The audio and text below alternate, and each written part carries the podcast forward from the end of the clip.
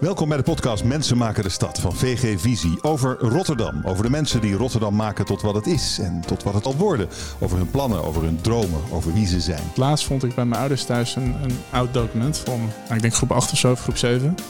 En daar stond, hoe ben jij over 20 jaar? En toen stond er architect. Dat dacht ik wel, oh, dat ik dat toen al wist. Ik was eigenlijk een waardeloos ontwerper, maar ik had wel goede ideeën. Dus ik dacht, laat ik maar conceptontwikkeling uh, doen. En vandaag is mijn gast Dirk van den Berg. Hij is conceptontwikkelaar bij Vorm. Leuk je te ontmoeten. Fijn dat we elkaar zien. Ja, dankjewel. Uh, waarom werk jij in Rotterdam? Want dat wilde je heel graag. Het is de gaafste stad van Nederland. Zegt een Rotterdammer? Nee, want ik kom oorspronkelijk kom ik uit Maarsen. Dat ligt bij Utrecht. Ah.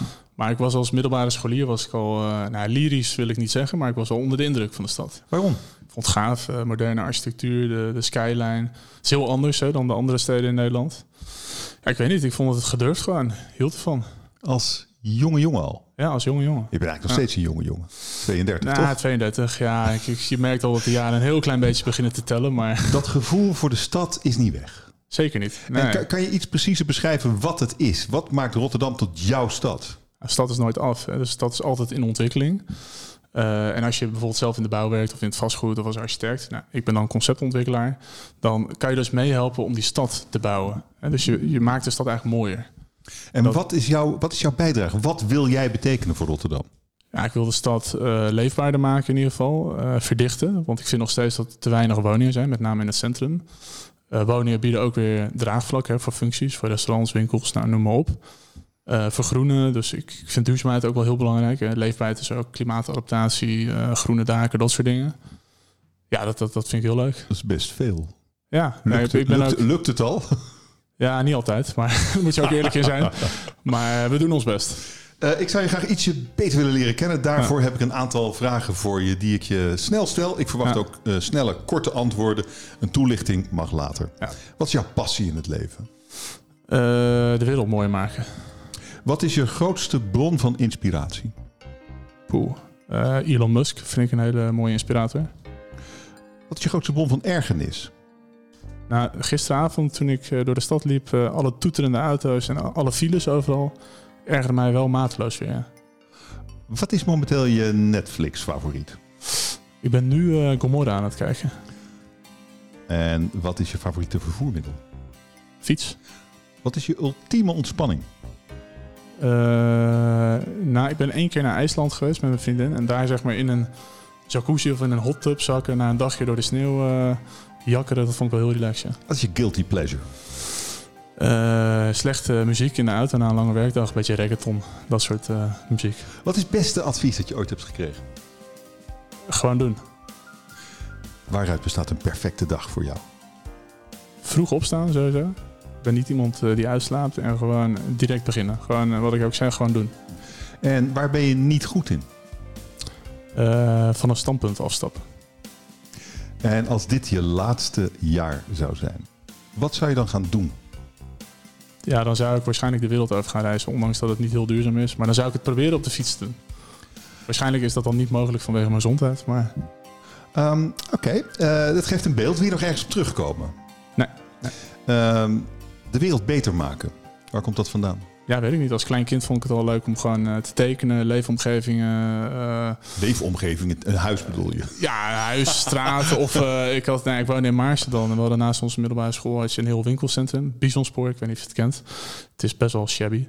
Maar dan was ik al gewoon in mijn economieschrift aan het tekenen hoe dat helemaal moest worden. Met hoge torens erop. En ja, dat, dat vond ik helemaal te gek. Dus er was eigenlijk maar, maar één rol voor jou in het leven en dat is wat je nu doet? Ja, bijna wel. Want ik vond laatst vond ik bij mijn ouders thuis een, een oud document van, nou, ik denk groep 8 of zo, of groep 7. En daar stond, hoe ben jij over 20 jaar? En toen stond er architect. Toen dacht ik wel, oh, dat ik dat toen al wist. Wauw. Dus nou, ik ben uiteindelijk geen architect geworden. Daar was ik gewoon niet goed genoeg voor qua ontwerpen. Zo eerlijk moet je ook zijn. Ik was eigenlijk een waardeloos ontwerper, maar ik had wel goede ideeën.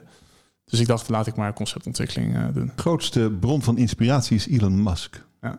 Uh, groot denken. Ja. Is dat het? Ja, ja absoluut. Ja, kijk, de doelen die hij stelt, hè, bijvoorbeeld een samenleving op Mars of uh, uh, iedereen in een uh, elektrisch voertuig op het moment dat er helemaal nog geen elektrische auto's waren. Dat zijn echt van die stippen aan de horizon.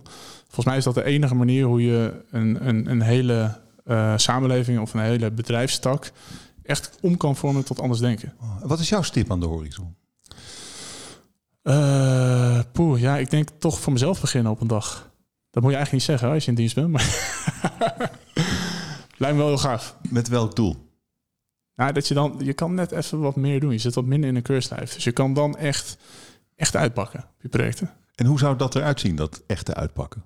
Ja, de, mooie projecten doen. Dus veel uh, acquisities, uh, met name in Rotterdam. Ik vind Rotterdam leuk. ik zal niet snel iets in Leeuwarden doen, daar heb ik niks mee. Maar gewoon uh, mensen bij elkaar brengen en samen mooie projecten van de, van de grond tillen. En dan zeg je, uh, de ultieme ontspanning is uh, in, een, in een watertje zitten op IJsland. Ja, waar niks is. Heerlijk, ja. Nou maar dat is heel bipolair, ik weet het. Maar ik vind het, aan de ene kant ben ik een enorme fan van de stad. van grootstedelijkheid. Ik vind New York vind ik ook geweldig. Hongkong vond ik fantastisch. Tokio, weet je, dat, daar kan je mij bijna niet wegtrekken. Maar als ik eenmaal weg ben, dan wil ik ook rust. En het beste advies is gewoon doen. Wie gaf je dat advies? Uh, niemand, denk ik. Uiteindelijk ben ik daar gewoon... Nou, ik heb wel... Bij Nike zag ik een keer Just Do It. En toen dacht ik wel van ja... Uiteindelijk begon ik daarover na te denken. En toen dacht ik, hé, hey, daar zit wel wat in. Want veel mensen die denken heel veel. Hè? Dus je denkt bijvoorbeeld, ik ga een keer voor mezelf starten. Of je denkt, ik ga een ander huis kopen. Maar je doet het eigenlijk nooit. En heel vaak moet je het gewoon doen. En is even een sprong in het diepe. En dan zie je wel of je kan zwemmen of niet. Wat was je laatste sprong in het diepe? Uh, ander huis uh, gekocht. En uh, toen bedacht, nou ja, eigenlijk voordat ik het huis kocht, bedacht we gaan een verdieping opzetten. maar dat is een historisch of beschermd stadsgezicht. Dus dat is niet zo makkelijk. Hè. Dan moet je de VVE meekrijgen, bouwvergunning aanvragen, dat soort dingen. Daar zijn we nog steeds mee bezig ook. Maar het is bijna af. Dus, Wat je, wat je jouw antwoord was waarmee je niet zo goed in was, nou, van een idee afstappen. Ik vertaalde dat als koppigheid. Maar ik zie hier doorzettingsvermogen. Ja, dat, maar dat is de andere kant van de medaille. Toch, dat is redelijk positief. Dat is de andere kant van de medaille. Dus aan de ene kant uh, ben ik soms veel te koppig en hou ik te lang vast aan een idee. En moet je ook openstaan voor andere ideeën. Aan de andere kant, soms heb je ook gewoon een goed idee. En de, ja, als je je kop boven het mijnveld uitsteekt, dan willen mensen hem er redelijk snel afhakken. Hè? Dat is gewoon zo. Soms moet je doorzetten. Want dat ene goede idee, dat kan uiteindelijk wel heel goed werken. Geef eens een voorbeeld. Ja, dat, dat, dat, huis bijvoorbeeld. Mensen zeiden, waarom doe je dat? Je bent gek. We hadden op zich een mooi huis. Alleen we hadden geen buitenruimte erbij. En ik zag aan de Hemerraad Singel in Rotterdam dan de mogelijkheid om een woning te kopen. En je kon daar conform bestemmingsplan een verdieping opbouwen. En ik dacht, nou, als we dat doen en we bouwen iets terug, we leggen een heel groot dakterras voor, hebben we gelijk een tuin. Nou, uh, vriendin uh, overgehaald, die was niet direct overtuigd, maar ging wel een beetje mee in de mooie praatjes en de plaatjes. Een paar tekeningetjes gemaakt en uh, nou, inmiddels heeft ze gelukkig geen spijt. Maar je denkt wel, jeetje, dit duurt lang. Het duurt altijd langer dan je denkt.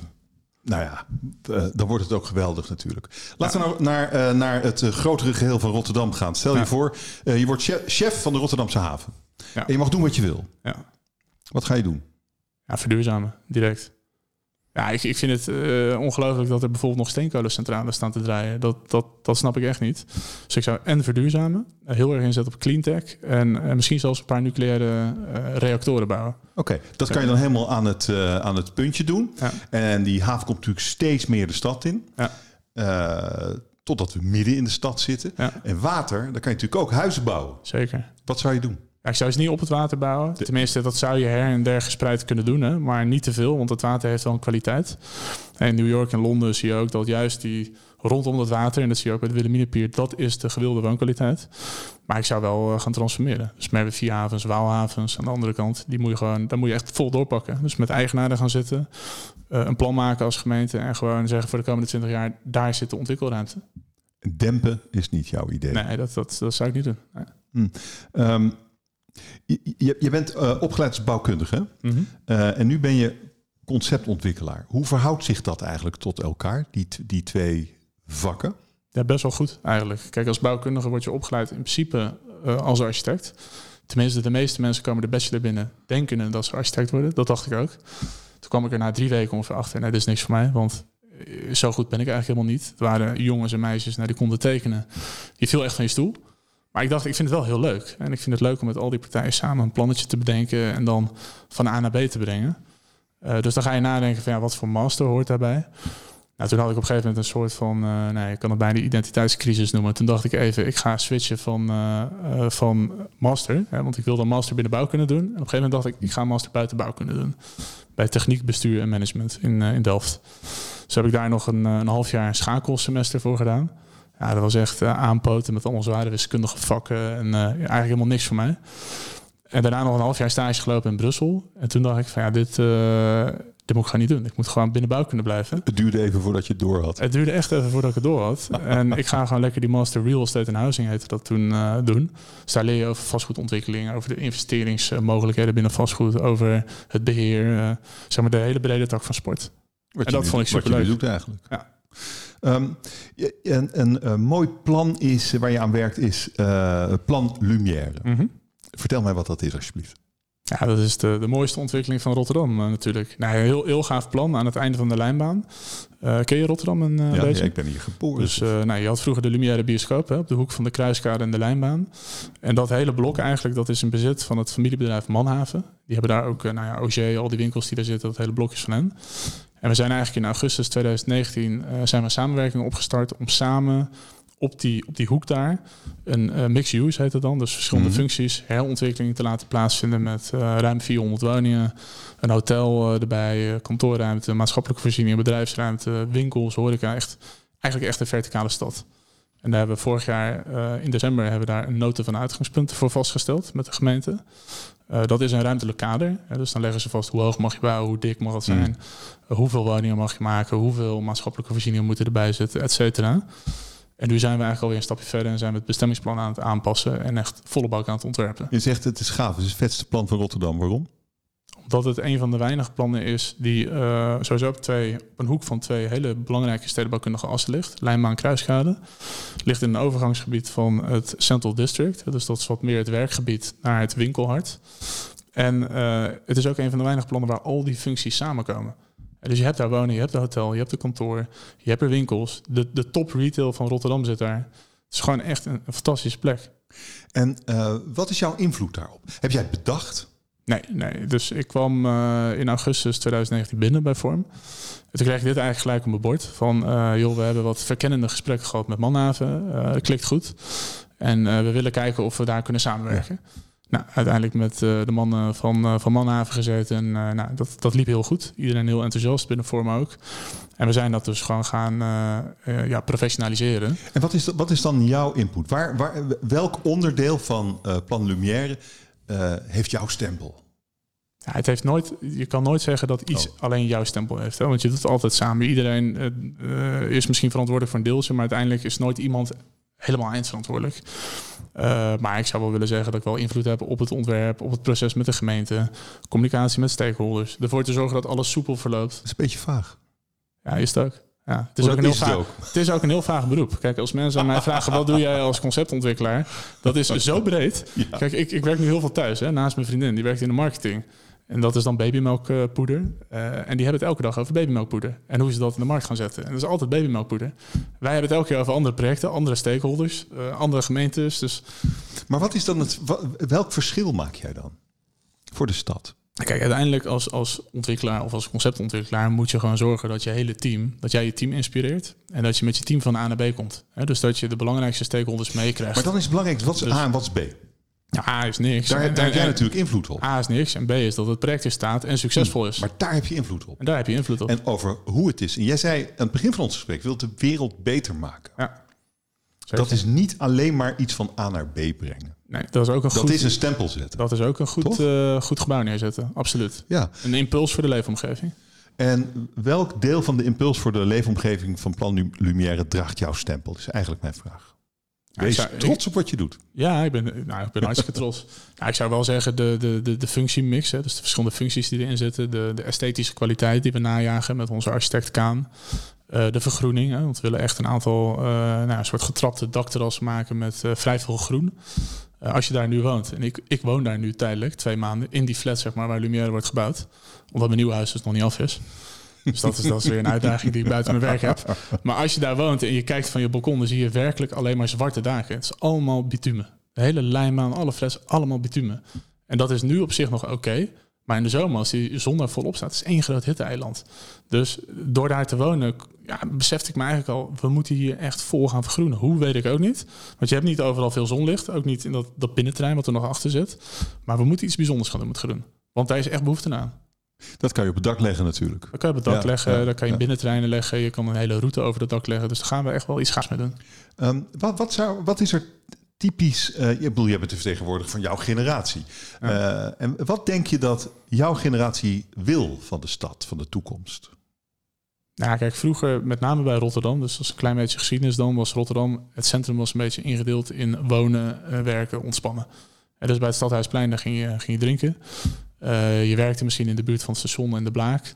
Uh, en in het centrum werd nauwelijks gewoond. Je, je had de Lijnbaan flats, maar voor de rest wonen er heel weinig mensen in het centrum. En nu zie je dat de jonge generatie vindt juist die diversiteit leuk. Die vindt het leuk om uit het kantoor te rollen en dan naar de biergarten te gaan en volgens het fietsen op te stappen en ergens uh, naar je appartement te fietsen in een van de wijken rondom het centrum of in het centrum. En dus je wil alles binnen handbereik hebben en daar hoeft niet per se een auto bij te horen. Dus het moet voetganger en fietsvriendelijk te zijn. Wat bevalt je niet aan de stad? Dit, denk ik. Want auto's uh, zijn er in overvloed, nog altijd. Ja, nou, ik, wil de auto, ik, wil, ja, ik wil de auto niet bannen. Hè, laat ik dat vooropstellen. Want ik vind het bijvoorbeeld in de kruiskade, daar zitten heel veel dure winkels. Als je met die ondernemers praat, als jij horloges van 300.000 euro per stuk verkoopt, die mensen komen niet op de fiets. Die gaan ook niet een auto bij Meijersplein parkeren en volgens de metro pakken en 500 meter lopen en volgens een klokje van 300.000 euro halen. Dat gebeurt niet.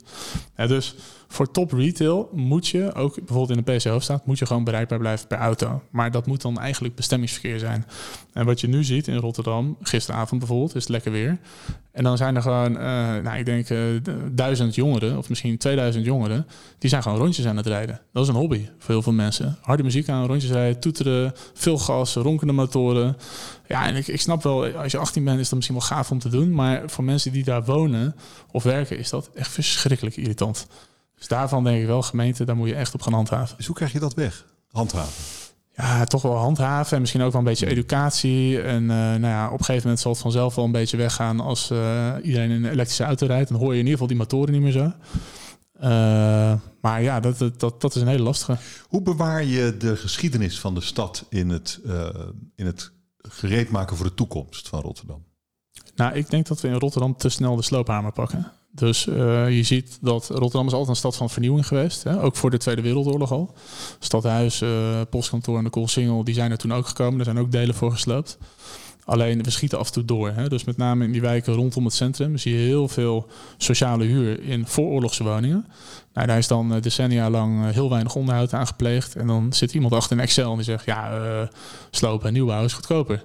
En nou ja, dan gaat de sloophamer er weer in. En dat vind ik ongelooflijk zonde, want je hebt een enorme kwaliteit als stad dat je een modern centrum hebt met moderne architectuur, wederopbouw, iconen. En daaromheen heb je eigenlijk de historische schil. En juist die contrasten zijn zo leuk. Dus dat overal nu die sloophamer in gaat, dat, ja, daar ben ik echt pertinent op tegen. Hoe maak je wonen in de stad uh, betaalbaarder? De tendens is nu dat het steeds duurder en duurder en duurder wordt, ook in Rotterdam. Hoe keer je dat? Dat is de vraag van de eeuw. Hè? Als ik die kon beantwoorden, dan uh, kon, nou ja, jij kon, bent concept kon, kon ik politicus worden. concept. Ja, nee, dat is, dat is super lastig. Want um, nou, laat ik sowieso het onderscheid maken tussen huur en koop. Kijk, bij koop is er bijna geen invloed op uitoefenen. Je zou misschien een woonplicht kunnen zetten, zeggen, maar dan komen heel veel projecten niet meer van de grond. Uh, kijk, bij huur kan je natuurlijk wel afdwingen als gemeente dat een bepaald percentage middenhuur of sociale huur is. En dat zie je nu ook gebeuren. Bij, ook. bij Lumière maken we ook minimaal 30% middenhuur. Ja, dus van de 400, 450 woningen komen er 120 tot 150 middenhuurwoningen. Dus dat kan in zo'n groot project. kan niet 60 of 70 procent, want dan wordt het onhaalbaar. Maar als je dat in elk project doet, dan heb je op een gegeven moment wel een heel contingent aan middenhuurwoningen. Dus dat helpt wel mee. Maar aan de andere kant, ja, die vraag krijg ik heel vaak van mensen. En de enige oplossing is eigenlijk minder succesvol zijn. Want ja, het klinkt heel lullig, maar als je kijkt naar Londen, Parijs of New York, hè, kijk naar die steden, hartstikke succesvol. Ja. Vastgoedprijzen reizen de pan uit. Hè. Dus waar je succesvol bent, daar komen mensen op af. De Spanjaarden die komen naar Rotterdam tegenwoordig, Italianen, Portugezen, Polen, hmm. Roemenen. Iedereen komt naar Nederland. Want Nederland presteert gewoon goed binnen de EU. Nou, als je dat wil stoppen, en ook asielzoekers en arbeids- of kennismigranten, noem maar op. En mensen vanuit Twente die hier naartoe komen omdat er werk is. Kan je alleen maar stoppen door minder succesvol te zijn. Maar dat wil ook niemand. Dus het is een hele lastige. Je valt niet tegen op te bouwen bijna. Nee, maar het zijn ja, klinkt cynisch hoor, maar dat, uh, het is wel zo. Nou ja, maar hoe ziet de toekomst er dan uit? Want uh, de, het einde is nog niet in zicht. Nee. Nou ja, ik vrees dat, uh, dat in ieder geval in de vrije verkoopprijzen gewoon naar de 10.000 euro mee te gaan. Dat, dat, tenminste als de rentes laag blijven. Hè, en die rentes gaan niet ineens omhoog, want dan komt iedereen in betalingsproblemen. Ook Nederland en alle landen. Heel Zuid-Europa valt dan om, dus dat gaat niet gebeuren. Uh, ja, ik, ik denk dat het gewoon veel duurder wordt. En dat we dus met name meer moeten focussen op echt middenhuur. Er moet echt veel meer middenhuur bijge, bijgebouwd worden. Dan kan de sociale huur ook doorstromen. Zit helemaal op slot. En dan heb je in ieder geval de kans om in zo'n stad te komen wonen tegen een betaalbaar tarief. En als je dan op een gegeven moment hier carrière maakt, want uiteindelijk gaan bedrijven hier ook zitten. Hè, dus je krijgt dan waarschijnlijk ook de kans om goed te verdienen. Dan moet je ook in staat zijn op een gegeven moment om een woning te kopen. Want als dat niet zo is, dan gaan mensen vervolgens in Apeldoorn wonen en in Rotterdam werken. Nou, dat zie ik niet gebeuren. Het, is dan wel een, het wordt steeds meer een voorrecht, ook een financieel voorrecht om in een grote stad als Rotterdam te wonen eigenlijk. Ja, dat is het nadeel van daar, succes. Daar leggen wij ons bij neer. Ja, ik wil me er niet bij neerleggen, maar ik heb er geen oplossing voor ook. Dat, uh, zo realistisch ben ik wel. Ik wil je nog een paar vragen stellen. Uh, ik wil graag weer korte antwoorden. Toelichten mag daarna. Wat was je eerste herinnering aan Rotterdam? Oeh, uh, geen idee eigenlijk. ik weet het echt niet. Ja, misschien op tv ooit gezien of zo, maar... Nee, je, vertelde, je vertelde eerder, dit is de stad waar je wil zijn. Ja. Ja, ik kan me wel herinneren, maar dat is een ander verhaal, dat toen ik een jaar of tien was, uh, zijn mijn ouders en mijn broer zijn we naar Seattle gegaan in de VS. Daar hadden we familie wonen. En toen was ik wel heel erg onder de indruk van, uh, nou, van de hoogbouw en uh, het waterfront daar. Ze hebben een heel mooi waterfront ook. En dat vond ik heel gaaf. Dus toen heb ik wel een soort passie ook voor hoogbouw en moderne architectuur ontwikkeld. En water. En, en water. En ik denk dat ik dat in Rotterdam een beetje heb teruggevonden. Oké, wie is je beste concurrent? Ehm, ik vind CRD vind ik wel een heel, heel goed bedrijf. En wat is de mooiste typisch Rotterdamse uitspraak die je kent? Geen idee. Ik uh, ben heel slecht in Rotterdamse uitspraken. Wil je uh, een dag doorbrengen met uh, Ahmed, Ahmed Abu Taleb, met Rem Koolhaas of met Dick Advocaat, als je mocht kiezen? met Abu Taleb, lijkt me wel interessant. En wat vind je het mooiste gebouw van Rotterdam? Dat vind ik het Witte Huis, vind ik heel mooi. Ah, oké. Okay. En uh, wat vind je de mooiste straat? De mooiste straat vind ik, of de leukste straat vind ik de Nieuwe Binnenweg in ieder geval. Beste restaurant van Rotterdam? Agie, aan de Pannenkoekstraat. Mooiste uitzicht van Rotterdam? Vanaf het nieuwe depot. Uh, en wie maakt echt het verschil in Rotterdam? Eén naam. Uh, Daan van der Vorm, hè, natuurlijk. Uh, en uh, wat zou je zeggen? Hoogbouw of laag, laagbouw? Hangt van de context af. Hmm. Wil je nog iets uitleggen? nou ja, over hoogbouw of laagbouw, dat vind ik wel een interessante. Kijk, ik, ik vind hoogbouw heel gaaf en heel mooi. Maar je moet niet de hoogbouw in een weiland gaan neerzetten of in een buitenwijk. Hè. Dus dat, dat hmm. past in gebieden waar al verdicht wordt. En verdichten hoeft ook niet per se met hoogbouw. Als je in Rotterdam kijkt, in het centrum heb je de Hofdame. Dat is een heel groot stedelijk blok. Type blok wat je in Barcelona of Madrid heel veel ziet. Dat kan ook prima. Daar kan je ook heel goed mee verdichten. Hele goede plinten, hè. dus de begaande grond kan je er heel goed mee maken. Daar hoef je niet altijd torens voor neer te zetten. Maar het, het is wel spannend om af en toe gewoon even een uitschieter te hebben. Ja, niet lullen maar poetsen, hè? Dat is ook, dat is ook dat is wel een beetje, uit, een beetje uh, Rotterdamse. Ja, ja, dat is waar. Um, en een dag uh, met uh, Abu Taleb, met de burgemeester. Ja. Waarom? Wat zou, je, wat zou je aan hem vragen? Ja, of hij, wat zou je hem vertellen? Nou, ik zou het wel interessant vinden om te weten hoe hij de stad over 20 jaar ziet. Waar wil hij naartoe? Wat denk je? Ik denk ja, naar een inclusieve stad hè, voor iedereen. Betaalbaar, klimaatadaptief, groen. Wel een beetje de ambities die wij ook hebben, vermoed ik. Maar maar jouw vraag is dan, hoe dan, meneer de burgemeester? Juist. Oké. En hoe gaan we dat Denk dan? je dat hij een antwoord heeft? De, ik denk het eigenlijk niet. Nee, ik denk dat hij, dat hij wel wat ideetjes heeft. Maar hoe je dat allemaal moet uitontwikkelen, dat wordt toch vaak door de markt en door de ambtenaren bedacht hè, en visies. Dus dat, ik denk niet dat hij daar uh, een panklaar antwoord voor heeft. Maar het begint natuurlijk allemaal met een visie. Ja. Denk je dat hij een visie heeft op al die enorme problemen die je net noemde? Een visie die zou kunnen leiden tot misschien oplossingen? Ja, hij, heeft, hij heeft wel een stip aan de horizon, dat, daar ga ik wel vanuit. Alleen het is één ding is het hebben van een stip aan de horizon en een ander is hoe kom je er. Hè? Dus de tools die je nodig hebt om daar te komen, dat, dat vergt wel wat uh, denkwerk. Ik weet maar, niet of hij dat heeft gedaan. Mm, en uh, uh, waar, waarom is Daan van der Vorm uh, de man die echt het verschil in Rotterdam maakt, behalve dan dat hij jouw werkgever is? Ja, nou, ik vind dat wij, wij als Vorm zijn gewoon met hele gave dingen bezig zijn in Rotterdam. We hebben laatst. Het klinkt wel bijna een beetje als wij van BC1. Ja, dat is het ook wel een beetje. Maar nee, wij zijn echt met gave dingen bezig in Rotterdam. We hebben jarenlang in Papendrecht gezeten. Dus in ons, nou ja, inmiddels 101-jarig bestaan hebben we een aantal decennia buiten Rotterdam uh, gebivakkeerd. Nu weer terug in de stad en we willen echt ons vleugels uitslaan hier. We zijn er van origine Rotterdamse partij, dus we zijn volop bezig op verschillende plekken. Onder andere met Lumière, nou, Koer, tender die we net hebben gewonnen. En ja, wij focussen heel erg op de, de betaalbaarheid. Hè? En dan niet alleen maar goedkope woningen, maar eigenlijk betaalbaar voor elke beurs. Dus daar horen ook wel middendure en soms ook wel duurdere woningen bij, als dat goed is voor de, voor de plek. Uh, maar ook duurzaamheid, klimaatadaptiviteit. We zijn heel veel onderzoek aan het doen naar houtbouw. Dus we willen wel echt het hm. verschil maken. Wat heb je tegen Dick Advocaat? Uh, niet veel, behalve dat hij uh, trainer van Feyenoord is geweest. En ik heb niks met Feyenoord. Maar...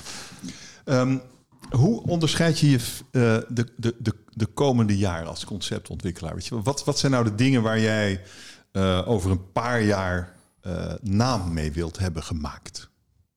Nou, we hebben, recent hebben we een tender gedaan. Uh, ik zal er niet al te veel over uitweiden, want het resultaat is nog niet, nog niet bekend. Maar wat we daar hebben gedaan is eigenlijk in de binnenstad van Rotterdam een rustpunt gecreëerd. En wat je ziet dat de stad steeds hectischer wordt, steeds dynamischer. En dat vinden mensen ook tof, hè? daar gaan mensen naar op zoek. Maar wij denken dat, we, dat binnen al die hectiek er ook steeds meer behoefte komt aan een soort oog van de orkaan, een stedelijke rustpunt. Waar je even tot jezelf kan komen en waar je kan ontsnappen aan al die hectiek.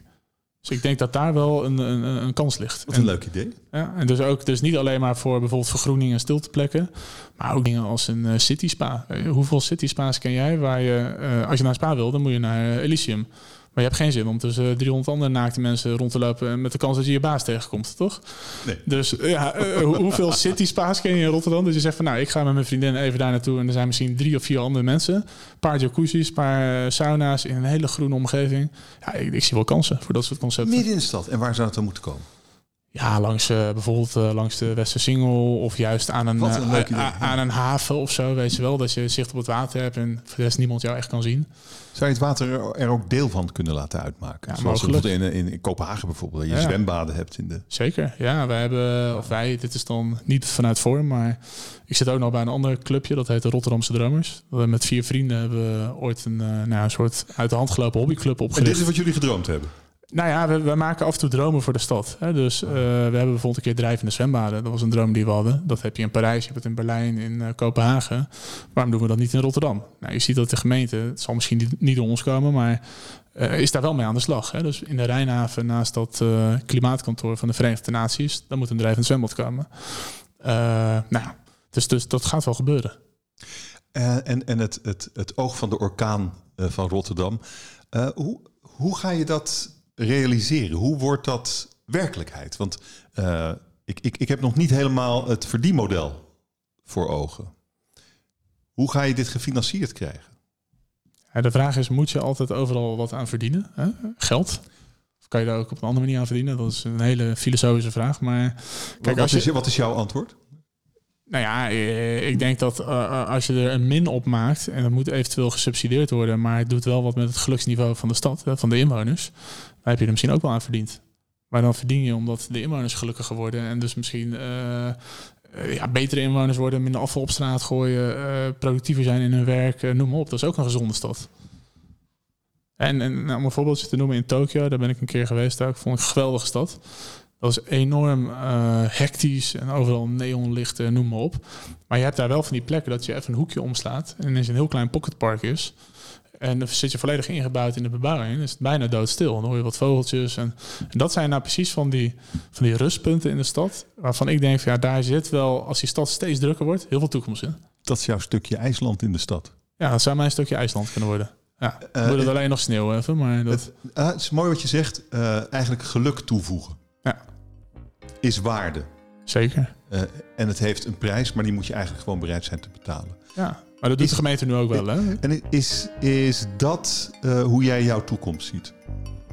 Geluk toevoegen. De wereld een beetje beter maken kan ook geluk toevoegen. Ja, uiteindelijk doe je het daar wel voor. Kijk, je maakt de wereld niet beter omdat, uh, omdat je wil dat mensen er ongelukkig van worden.